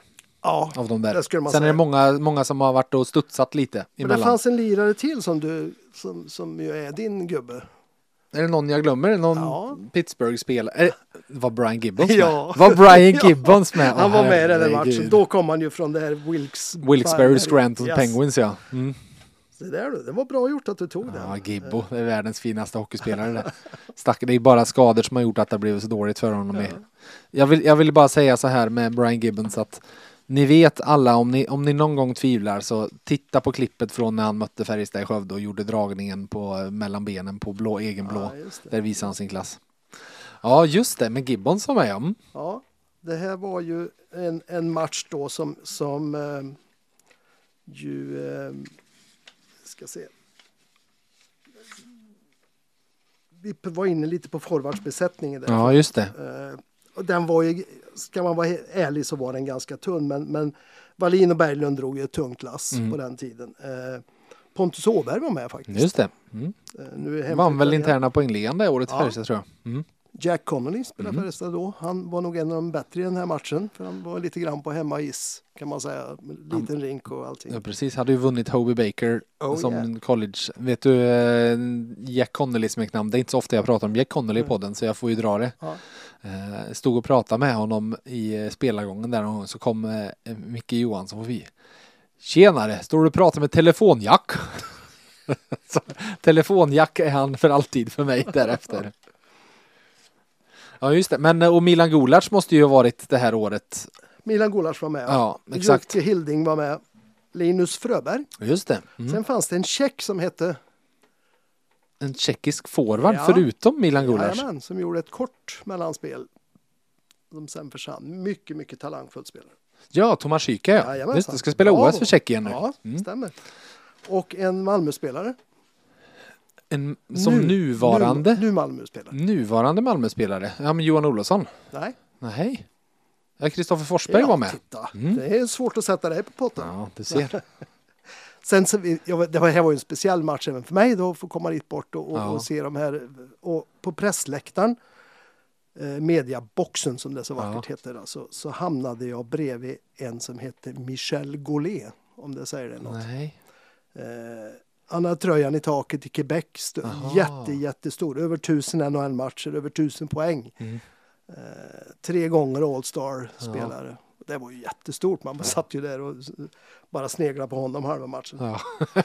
Så att, eh, ja, det, det var häftigt. 7-2 i alla fall till AHL All det. Stars. Det. Mm. var ju lite pinigt sådär. Och Leffe var ju efteråt jättebesviken. Mm. Han tyckte inte laget hade bjudit upp fem öre. Nej. Och det kan jag hålla med om. Det fanns alltså spelare som rent ut sagt var skraja ja, i den här trånga rinken. det var så ja. Eh, För det var inte en traditionell All-Star-match i den benämningen att man åkte omkring och, och, och Nej. fes åt räksmörgås. Utan, Utan de, de körde på. Ja. För de skulle ju möta det bästa laget från Sverige. Och dessutom så var det AHL-spelare så det är klart att Jajamensan. visa upp sig i den där matchen för dem Ja. kan ju innebära ett steg uppåt. Jajamän, och den direkt sändes på alla sätt och vis till Ja. alla håll och kanter den där matchen. Så att, eh, det var lite besviken. Sen några dagar senare då så hade man plockat in en match i Toronto också då. Då fick man möta ett klubblag. Mm. Toronto Marlies, ett Mm. AHL-lag. Eh, och den slutade då 4-3 till, till Marlies. Eh, eh, och även där var det liksom en liten domarskandal för man Jaha. dömde bort ett regelrätt mål. Eh, Åslund sköt i ribban, Wallen slog in returen och så plötsligt blev det bortdömt av någon anledning. Så, för de skulle ju vinna jänkarna. klart de så det var samma Det sak, klart de öst och väst. Öst och väst, samma Det här skit. spelades då i Rico Coliseum som det hette då. Just det. En kille som heter Dylan Geo som avgjorde matchen. Ja. Jag, tror, jag vet inte, han fick nog ingen större karriär. YEO. Ja, Ja, det måste ju vara släktskap med till Mike Eo. coachen. Ja. Ja. Mm. Jag tror det. Men det var i alla fall en jättestor upplevelse. Ja, vi hade några jag. fina dagar där. Vi fick bland annat besöka ett, ett ölbryggeri Mm. matchdagen. Så det var ju också Det var extra spännande. Det var riggat allting. Ja. Det var vodka på ena hållet och öl på andra hållet. Ja, Onyktra spelare alla matcher. Ja, det är skandal. Ja, men det var häftigt och det var, det var liksom mycket som föregick den här då man var väldigt, väldigt förväntansfull där borta och det var, Mm. det var pådrag och det var en bankett kvällen före, eh, kvällen före Skills Competition också som var väldigt påkostad så att man hade verkligen tagit emot laget på bästa sätt. Mm. Men det blev bara ett år va? Det var inga andra som Nej. åkte sen? Nej, Nej. stämmer. Hallå där! Det väntas ett händelserikt år. Om oss på VF håller du dig uppdaterad. Läs de senaste nyheterna med VFs pluspaket i åtta veckor för endast 8 kronor. Med Plus får du tillgång till allt innehåll på sajten och i nyhetsappen. Läs mer på vf.se erbjudande. Jag ska ta med både dig och lyssnarna till en eh, tredje, tredje minne och till en tredje match. Men det här är det speciella att jag kommer typ kunna säga att ja, det här kanske är 1996, eh, 97 någonstans där. Men jag kommer då absolut inte kunna säga vilken match det är för jag har ingen aning. Så här, så här var det för mig i alla fall. När jag var liten så jag har två föräldrar som inte har något vidare idrottsintresse. Eh, det är inte från dem för fem öre. Jag kan inte riktigt säga varför jag har blivit som jag är. Vad, vad är anledningen? För eh, jag satt ju med eh, tidningarna varje morgon och förde egna poängligor för Färjestadspelarna vad de hade gjort och så vidare och tyckte ju det var, jag var så och så och så och så sportintresserad. Och jag önskade mig så fort jag fyllde år så önskade jag få gå på hockey och på fotboll och så vidare och åka på en Degerforsmatch där och så vidare. Men jag det var inte så att pappa hade säsongskort och jag kunde följa med honom hela tiden utan de åkte ju någon gång då och då för min skull liksom. Eh, det var inte, inte tvärtom som det är för många, många barn som växer upp med idrottstokiga föräldrar så sett. Men jag var ju yngsta barnet och har ju två äldre bröder varav den äldsta är sju år äldre och hans intresse för ljus eh, fick, eh, fick en väldigt positiv inverkan och då är det alltså ljus i form av konserter, festivaler, teatrar och då idrottsevenemang. Så han började jobba en hel del med det tidigt och började jobba extra. Eh, Och jag vet till exempel att jag har suttit på ett innebandyderby på 90-talet mellan NB och Sjösta, vilket var riktigt, riktigt Ja, heta grejer i Karlstad. grejer. Eh, Satt där, jag satt där och skötte när spelarna skulle springa in och skötte rökmaskinen så att det skulle, för brorsan skötte ljuset. Och framför allt så jobbade han väldigt mycket på Färjestad-matcher och körde följespott, alltså den stora Mm. lampan som man, eh, ja men vid line-up och så Yes. vidare. Det är ju någon som gör än idag Mm. liksom.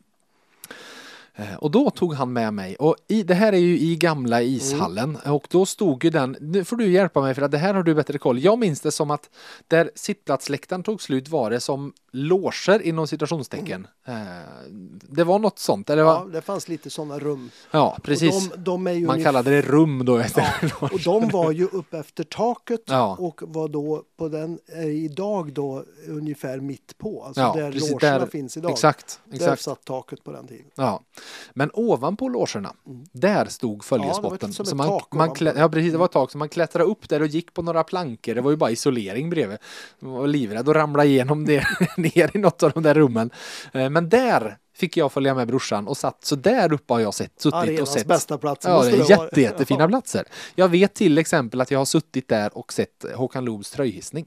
Wow. För då körde ju han följespott Ja. på den givetvis. Eh, Så, så sätt var ett sätt för mig att få se hockey på den tiden och jag kunde följa med honom lite då och då. Eh, Jag först, därf- det är därför jag kan placera in vilket år det är, för han är sju år äldre och han körde ju. Så han har körkort så att därför så måste det ha varit från, eh, från ja, 90, 97 där och 96, 97 och framåt. Det minnet jag ska ta med till var, för som sagt stort intresse fanns det. Och jag hade fått av mina föräldrar en matchtröja i eh, julklapp. Och kommer du ihåg 90-talets matchtröjor? Eh, Det materialet som det var. Det var ju liksom inte jag vet inte, det var liksom inte tyg på det sättet, nästan gummiaktigt Mm. tyg, lite plastigt Mm. tyg eh, så sett. Och dessutom hål i Ja, tröjan det. så överallt. Det var väl på något sätt att det skulle andas men det känns jätte, jättekonstigt idag för det var nästan som att åka runt med en plastpåse på sig med massa, massa hål i visserligen. Eh, Så jag övertalade brorsan efter matchen att, för ofta skulle vi ju hem direkt, men då så sa jag kan jag inte få stanna utanför omklädningsrummet och se. För att då hade ju spelarnas entré var ju motsatt sida mot vad den är idag. De gick ju ut mot norra infarten, heter väl vägen. Mm. Eh, Alltså ut mot travbanan om man säger så, ut mot vägen där, ut mot de parkeringarna. Så där stod jag. Och det var kallt och kyligt och jag stod väl och frös och så hade väl någon mössa på mig och den där tröjan och så kom det ut någon spelare och så fick, hade jag en penna och så fick jag autografen på. Och det som då hände var, och det här är det sjuka för Torbjörn Sköldstrand har jag träffat väldigt många gånger genom åren. Eh, hur många år var han eh, materialförvaltare i Färjestad? Han var väl ungefär från när de uppfann pucken. Och Ja. sen, Han var ännu längre än Mårten skrev Ja, ja, ja, uppfann hockeyn. Ja. Nej men det är hur många år som helst. Eh, och eh, han, man kan fortfarande träffa honom lite då och då. Jag tror han sitter och lagar lite utrustning, har lite. Mm. krypin där borta. Eh, eh, och brukar ofta faktiskt se på matcher från pressläktaren nu för tiden. Men jag tror faktiskt inte jag har pratat med honom om det här och det ska jag göra nästa gång jag ser honom. För jag är honom evigt tacksam. För någon gång där när någon spelare gick ut så måste han ha liksom ha sett mig genom dörren. Att det stod en kille, för det var bara jag som stod där, ingen annan. Och så sa han, men inte ska du väl stå där, kom! Och så tog han med mig in och han sa, och jag ställde mig där, det trodde jag skulle liksom få stå i entrén. Nej men kom, vi går in i omklädningsrummet. Så han tog med mig in i omklädningsrummet. Jag fick gå runt där med min tröja, säga hej till alla spelare, få alla spelares autografer. Och jag vet inte om jag sov på tre dagar det var därefter. där du blev hockeygalen. Ja, det var där jag blev. Nej, men det hockeygal. Jag stod där innan så att det förstärkte väl någonting. Men en sån himla, himla fin gest. Eh, och att få ha gått runt. Ja, men det, jag, jag, men jag var väl typ 11 år då. Eh, Det var ju egentligen inte hans bästa gren att vara bussig mot Nej, folk. men nej. Ja, Jag, jag är honom eh, evig. Han kan väl ha varit. fantastiskt roligt. Ja, så att det var, det var ett eh, för, för mig lite fint, eh, fint minne så från eh, från tiden när jag var ung och hade Färjestad som mitt favoritlag på ett annat sätt än vad det är nu.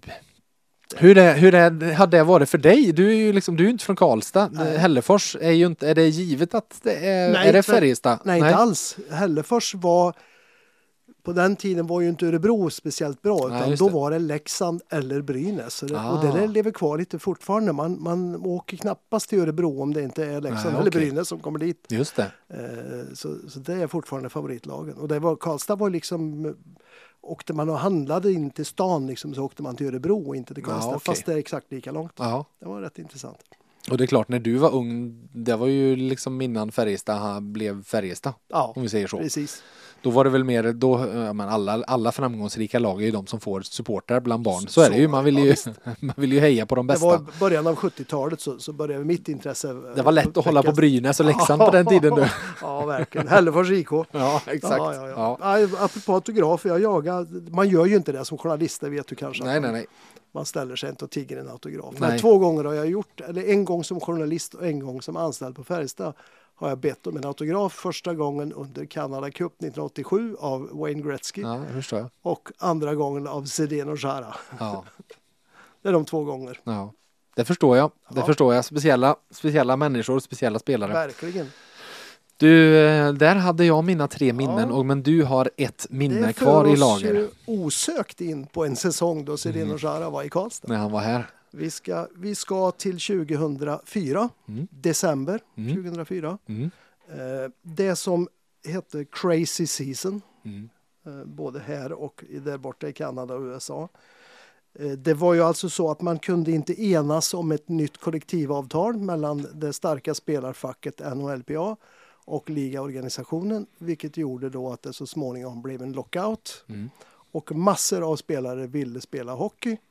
Några ville till Schweiz. Eh, Ryssland var väl inte riktigt ett alternativ på samma sätt på den Nej. tiden. Eh, några ville till Tyskland, men väldigt många ville till Sverige. Mm. För, för det var väl ansett som en av de bästa ligan i Europa då på den tiden. Eh, och, och då var det alltså så att, eh, att eh, 70 Fem spelare kom till Sverige. Det var så många mm. till sist. Ja. Fantastiskt. Sen var det väl vissa som kom lite kortare stund. Ja. Alla Marianne Geborik. Vi ska komma in på det. Vi kommer det. Får inte tjuva här nu då. Eh, det var alltså 75 spelare eh, som då stannade egentligen hela säsongen därför att på alla hjärtans dag 14 februari, det kommer du ihåg, mm. får du inte missa. Mm eh, så det att hela säsongen var över så att Mm. många stannade ju säsongen ut. Mm. Men den du nämnde, Marian Gaborik, han stannade ju inte hela säsongen ut. Tyvärr. Mm.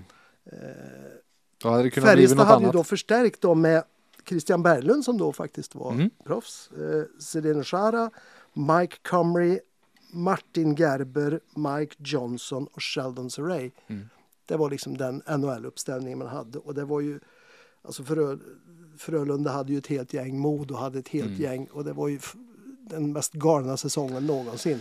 Eh, Linköpingsformationen med Mike Helber och Christian Huselius och eh, men vem är den sista? var det Knobel? Nej. Jo, Ja. jo men Mike Helber så Mike Knubel Ja, menar jag och så ja. Christian Huselius och men herregud, nu tappar jag ju sista.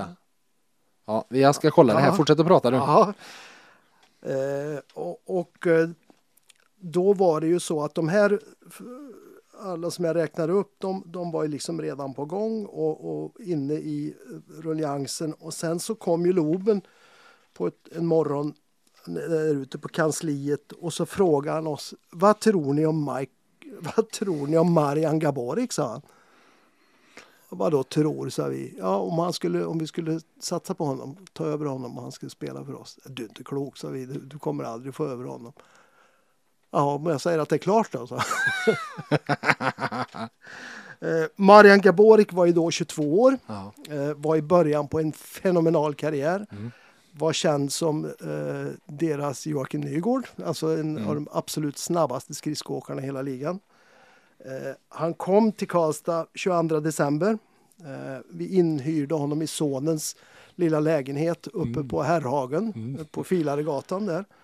Fick han, fick han bo. Eh, han fick tröja nummer 28, kanske av Sköldstrand, jag vet inte, Ja, minns inte om det var han som var materialet då. Men, eh, och sen så skulle han då göra debut och den skulle då ske på annandagen Mm.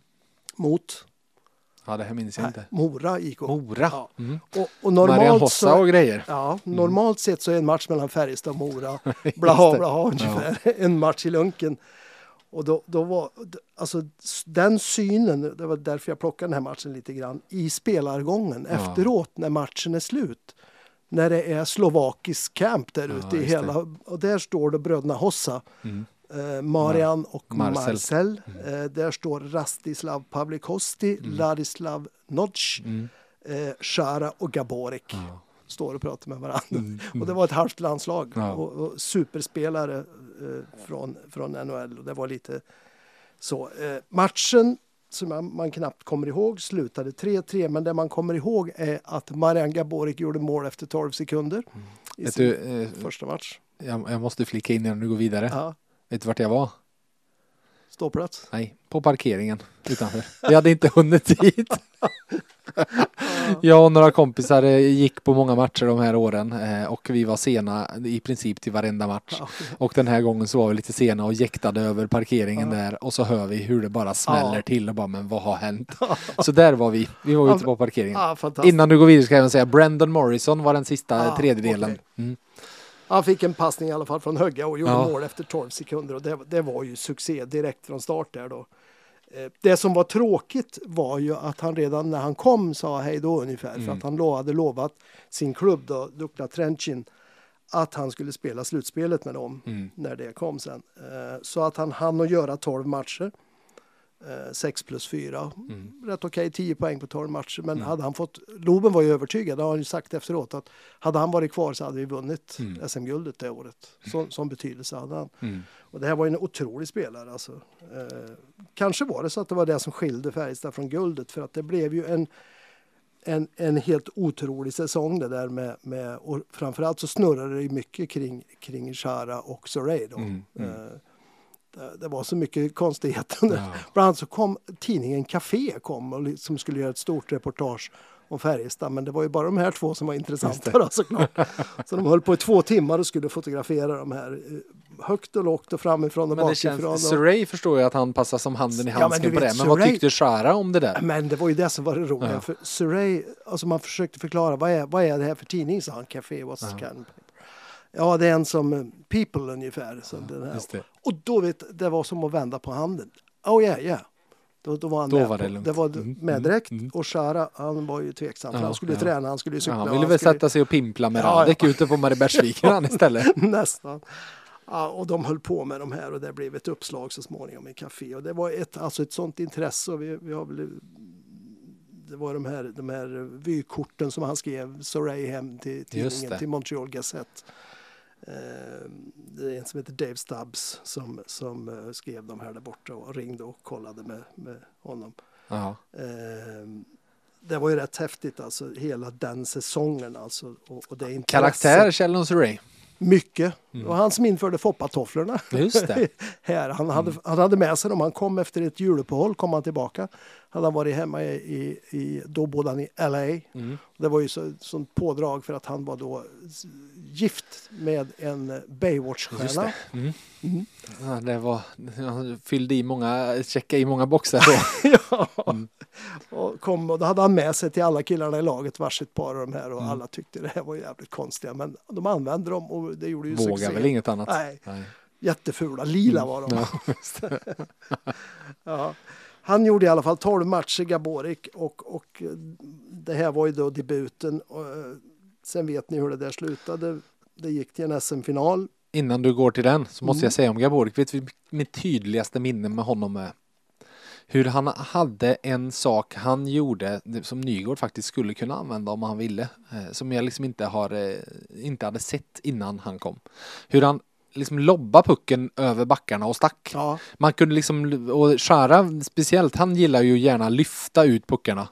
Eh, långa lobbar liksom. Det gick ju nästan att, ja men alla löpbollar på Marian Gaborik. Det var ju bara att lägga den där han skulle. Han hann ju först Ja. varenda gång. Och, eh, ja, det, det, som pojklagsfotboll liksom, den här primitiva taktiken i pojklagsfotboll. Lägga en Lång- långboll långboll, över ja. backarna och så en snabb kille längst fram som springer. han, han, eh, jag vet säsongen efter så gjorde han ju alltså fem mål i en match för, för Rangers som han, där han hamnade då. Efter Minnesota. Ja, just det. Eh, han gjorde 42 mål för Rangers 09-10. 86 poäng på 76 matcher. Mm. Det är grymma siffror. Mm. Alltså. Totalt över 1000 matcher i NHL. 800 poäng. Eh, Men den där finalen, alltså det någon, någonstans så, så var, vill jag säga att Färjestad var moraliska seger och att domarna orkade inte stå emot alltså den här vågen av missnöje mot, mot Shara och Surreys spelstil eh, i Göteborg.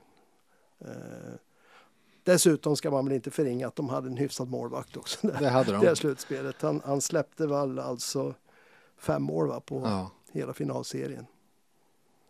Eh, Henrik Lundqvist som sen blev proffs. Han hade hela playoff hade han alltså 96 procent. Mm, mm. Ja, nej, han var, men nu ska vi se, Norrena var också med va det året, eller hade han, var det innan han hade stuckit? Ja, vet, jag vet inte riktigt. Det är du som är Ja, kalenderbitaren jag får av kolla. oss. Jag får kolla. Eh, Ja, jag, jag var inne på det förut med Frölundas målva, eller med Frölundas forwardsuppsättning Mm. det där året. Ja, Eh, Dragkedjan med Joel. Lundqvist, Magnus Kahnberg och Jari Tolsa. Mm. De, de slog ju igenom och var rätt så duktiga. Det var fjärde kedjan det. ja precis. Det var fjärde kedjan det. Ja. Eh, det var, jo men nu ska vi se, det var, Norrena var det ju, det var ju det här året de, de skiftade tillsammans. Nej, det var det inte, det var Mikael Sandberg, Mm. 04-05, du ser. Mm. Eh, men så var det ju en eh, första kedja med Niklas Andersson, Jonas Jonsson och eh, Tommy Kallio. Och den är jävla Niklas Andersson kommer vi ihåg. Ja, och så sen, eh, ja men och då, och så fanns ju en Samuel, en NHL-kedja med Samuel Paulsson, med Daniel Alfredsson och Per-Johan Axelsson. Ja, och så sen så klämde du in, då var det med ytterst underskattad, eh, underskattad spelare, Martin Plyss som Ja, gjorde precis. 39 Ja, poäng. visst. Han Peter Högard som gjorde, slutade trea i interna poängligan. Eh, spelade där med, eh, vem hade de? Louis Eriksson fanns ju i det här laget men han var ju lite för ung, han Ja, hade inte var riktigt slagit igenom. Jonas Esbjörs Mm, var ja. också i den. Så att det var ju liksom en var ett forwardsuppsättning som var och så Sami Salo på backsidan och så allt vad det var. Ja. Men det var ju ett tryck där mot, mot den spelstilen. Alltså, att- och de spelar ju ganska fränt både Chara och Saray. Men Mm. Ja. de spelar ju playoff-hockey. De var ju vana vid det. Och, och tilläts inte göra det av domarna och, och Frölundaborg och alla Mm. arenor skrek ju så mycket de orkade så fort de rörde pucken. De här. Och, och till slut så förstod ju inte de riktigt var nivån låg någonstans. För de blev ju totalförvirrade. Att Det är ju playoff. Och då, för Charas finalserie var inte något vidare. nej, nej, nej. Det var väl nästan den sämsta hockeyn Och han spelade tror, under ja, ja, året här. Jag tror de var, jätte, de var jätteförvirrade vad de fick göra och inte fick göra. Ja. Det, det, var, ja, det var lite synd. För det var, ett, det var ett häftigt år, crazy season. Tre domarskandaler, det är det du lyft fram alltså. ja, det kan man väl säga. Ja, nej det var en, eh, det var, det, det där är första året som jag började skriva om hockey. Eh, så sett, 2004, hösten 2004 började jag skriva, jobba extra för VF. Så jag vet jag var nere på en match i Jönköping och eh, eh, skaka hand med Shara när jag skulle intervjua honom. Det ville man ju göra. Se, jag hade väl fått in typ fyra händer i hans hand ungefär. Så eh, där var väl Det var ju nivå. nivå. ett, det var ett otroligt mediadrag efter Ja. båda två de där. Och, och eh, han ställde ju upp på allt, Chara, proffs som de var. Ja. Även om de inte, han tyckte ju inte det var roligt, men Surrey tyckte det var lite roligare. Mm. Liksom, så med media. Men, men eh, till mig så sa de ju try to please the media too hard. liksom, Mm. det var, Säg stopp någon gång ungefär. Och det, det enda gången Chara själv sa stopp det var när Sofie Ernerud ville att de skulle ta en bild ihop. Ja, just det. Med- VFs eh, reporter då. Ja, ja. som, som är ganska liten. Hon Ja. skulle stå bredvid och då sa han no. Sa han. Det var enda gången han sa nej. Nej, det har Ja, varit, varit jättesvårt det här du, som du bad mig om. Så jag, jag, gjorde en lista med bubblor. Du har några, okej, ja, det, det var, vilka hade hamnat på bub- Ja, bubblarna har, då? du, jag har 14 bubblor. Om jag ska, men jag ska inte dra dem allihop. Men man, man, kan bara nämna några. Alltså, 19, ingen av oss tog 1953-matchen från Jönköping till Nej, just det. Nej. Eh, Jag var, Först- inte, jag var inte på plats så det var därför jag inte Ah, tog den. Jag okej. satt och redigerade den kvällen. Kippler var på plats. Ja, och, nej, nej, det var, det var Martin och eh, Ah. Martin Olsson och Johan Hedlund var på plats Ah, ja. för VF och eh, Peter Becker och Håkan Serman, två fotografer. Ja. Jag måste ju bara säga det mest fantastiska med den matchen, du vet ju vart det är på väg med fotograf.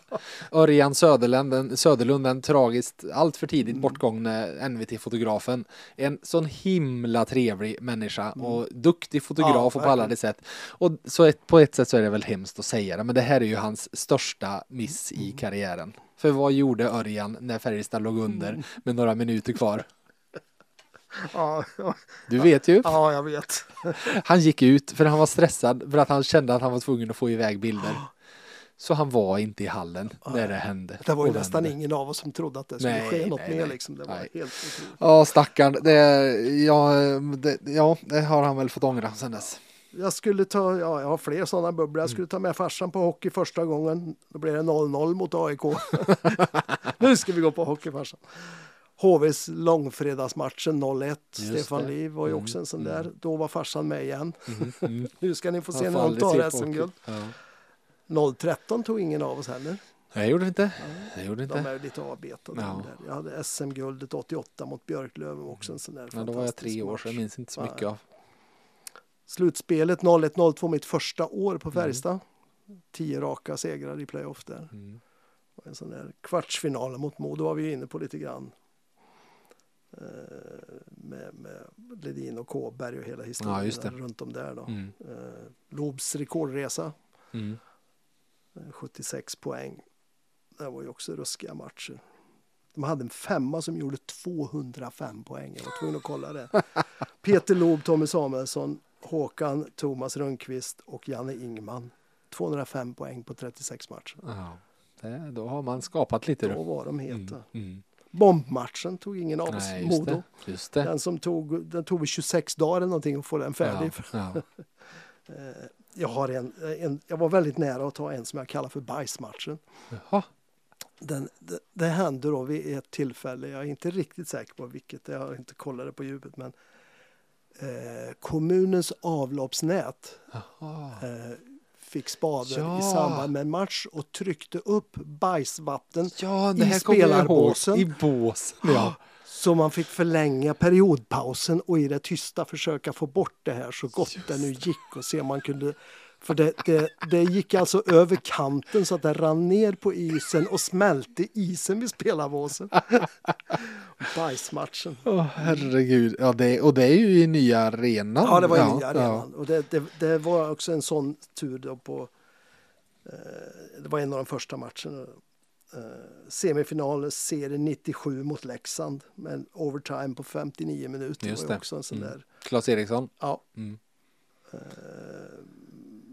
någon vändning mot Luleå hade jag också där. Sen var det ju, sen jag tänkte att man kan väl inte bara ta deppiga matcher men, men jag var ju med till Ängelholm hösten 1993. När det blev allsvenskan. Just det. Mm. Vi kommer aldrig att spela allsvenskan så Kjell Glennert men sen åkte vi ner och fick stryk. Eh, och sen debuterade i allsvenskan mot, vet du? Det här är svårt. Vilka, Det- vilka Färjestad Ja, mötte i allsvenskan? Första Ja, allsvenska jag vet ju att det var. Boden där på slutet. Ja, det var det. Man hade förlorat mot Boden två matcher i serien. Det var Just de det. enda två matcherna man förlorade Ja. i allsvenskan. Ja. Eh, nej, vilka de mötte i debutera i allsvenskan. Sannys gäng. Ja, i Huddinge ja, Ja. såklart. Åkte Mm. till vad heter det, Björkängshallen Ja. tror jag det heter. En gammal plåtlada, en Ja. riktig ruffig där. Oj, oj, oj. Hoppas han två- inte lyssnar nu sen. 2-2 där uppe en fredagkväll. Det var förfärligt. Ja. Ja. Ja, Vi mm. kan grotta ner oss längre. Det finns mycket. Det finns mycket. Eh, vi får se när Färjestad spelar match härnäst. Men nu vet ni i alla fall om sex stycken händelser som faktiskt har inträffat. Så vi har, vi har stått för vårat i alla fall. Det var inte, allt var inte bättre förr. Nej, allt var inte bättre för. Du eh, Jörgen, är du redo att tävla? Nu känner jag Ja, du har penna och papper där så att eh, du vet ju vad som gäller. Eh, 10, 8, 6, 4 och 2 poäng. Vi är på väg mot en hockeypersonlighet. Du får gärna tänka högt, argumentera högt, men har du ett svar så vill jag att du skriver det snarare än att säga det så att lyssnarna får frågorna eller eh, svaren hela vägen ner till två poäng. Är du redo? Ja, jag- jag landar väl på två poäng någonstans. Ja, det, det, det kommer du definitivt att ta det på. Det känns som att jag får igen för de där jag frågade dig om. Jag är mest irriterad att jag inte kommer ihåg Brendan Morrison från början. Att det ska- ju sitta där. Är du redo? Ja. På 10 poäng. Det här esset va- var enligt sägnen precis så dålig som namnet antyder. Det här esset var enligt sägnen precis så dålig som namnet antyder. Det var 10 poäng. Ska jag tänka högt eller? Ja, tänk. S- Esset. Det är ju en finsk klubb.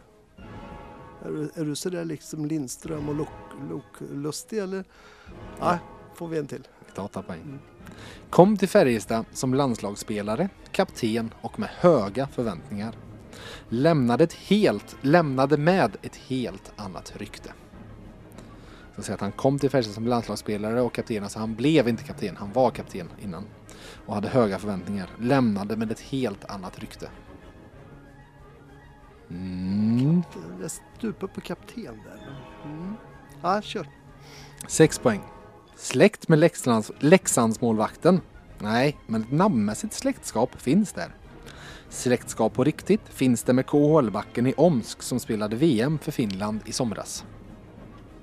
Släkt med Leksandsmål- Leksandsmålvakten? Nej, men ett namnmässigt släktskap finns där. Släktskap på riktigt finns det med KHL-backen i Omsk som spelade VM för Finland i somras. Har du någonting? Eller vill du ha fyra poäng? Ja, jag behöver mer. Mm. Fyra poäng. KHL-sonen heter Oliver och är precis som pappa back. 33 poäng på 47 matcher gör honom till ligans näst bästa poängstarke back den här säsongen. Där borde jag uttala men jag, nej. Det är ju alltså pappa jag är ute efter. Ja, då, jag förstår det. du? Ja, just det. Men, Börjar det och... ja, men det stämmer ju inte riktigt. Jag behöver mer. Okej. Vad är vi nere Två på? poäng. Noll Nu är vi på två poäng. Nu är vi på två Det är poäng. ju Så här kommer det. Nej, nej, nej, nej. Ja, ja, ja. Två poäng. Kan du förnamnen på Jokinen och Mäte? Då tar du dig halvvägs tar du en synonym till värdelös och lägger till ett key på slutet. Ja, ja, Så tar du dig hela vägen fram till denna FBK-kultback jag söker. Jag var ju inne där tidigare men jag tänkte att en sån pajsare kan inte. Olli Kaski. Olli Kaski. Ja jäklar. S1. S1 ja, han Ja. kom ju från S1. Ja, visst. han kom ju från S1 och var lagkapten i S1 och hade gjort mycket Ja. poäng. Han hade gjort liksom en Ja, det är ett 30 poäng i finska ligan. Ja. Finsk landslagsback var han ju när han kom Ja, och så vidare. Eh, det här S1 var enligt sägen, sägnen precis så dåligt som namnet antycker. Kass alltså. Ja. Men nu vill jag fråga dig, för att så här, det här är ju, jag tror 90, sommaren 94 var han kom. Säsongen 94-95 var han spelare, kollar jag. Och då var jag nio år, så det här är liksom år där jag, jag kan inte säga att jag minns på det sättet. Men det här är ju liksom ett kultnamn som jag och mina kompisar, Okej. när vi spelade lambandy på gatan och någon var riktigt dålig, då var den ju Olli Kaski Ah, dålig och så vidare. Det okej. var liksom, det Ja. där namn, så det har levt vidare för mig. Eh, Och har ju som sagt en son som heter Oliver som är jätteduktig och varit borta i Nordamerika lite men nu är en av KLs absolut bästa backar. Mm. Så han, han är riktigt, riktigt duktig. Men var Olli Kaski så dålig som eh, kulten kring honom eh, är? Ja, ja, han, var, han var ju dålig, men, men det är klart fallhöjden fanns ju där för han kom ju med ett skapligt rykte om sig att han Ja. skulle vara bra och föreningen pumpade, honom, pumpade ju upp honom lite grann också att han, att han skulle vara bra. Men jag vill ju inte minnas att han var totalt urusel men han var ju inte heller bra. Alltså de, de två största flopparna som jag kommer ihåg det var ju några av Håkan Loobs första värvningar. Peterson och eller? Yes. som, som var ju riktigt urusla och, och sen fanns det väl också någon mer finländare som satt på läktaren mer än de spelare. Men Det året Marko Virtanen ja. Ja. innan han, men han blev ju bytesaffär Ja. med Busajev så Yes, att det, han, det det, blev något värde i alla fall för honom. Eh, Olle Kaski gjorde ju alltså, han hade i, i finska ligan säsongerna innan så hade han gjort eh, 26 poäng, 25 poäng, 12 mål säsongen innan han kom till Färjestad och sen gjorde han 2 plus 3, 5 poäng. Och lite intressant att där, sen så han åkte tillbaka till S1 eh, och gjorde plötsligt bara 14 poäng där och sen blev det tyska ligan och så sen rundan av karriären i S1 2000. okej, ja. Så eh, han, han nådde väl inte, var, blev, han var inte landslagsback Nej, efter så nej. att det känns som att han han åkte till Karlstad med någonting som han sen aldrig hittade. Som försvann. Nej. Ja. Sant. Du, så är det. Eh, ibland kan jag, sa, jag sa till dig att jag tar ju alltid ett namn som man vet vem det är. För Ja. det är klart, Olle Kaski, du har ju skrivit om honom Ja, och så vidare. Men eh, det är klart, det, det fanns en bit bak i, eh, i minnet. Mm. Stort tack Jörgen att du ville komma till podden och köta hockey. Alltid ett nöje. Eh, till er lyssnare. Vi får väl se. Det kanske kommer veckans lagpodd till, eh, till på måndag. Jag har ingen aning. Färjestad kanske ska spela match på lördag, kanske söndag. Vem vet? Vem vet? Eh, men på något sätt så hörs vi framöver. Tills dess får ni ha det så gött.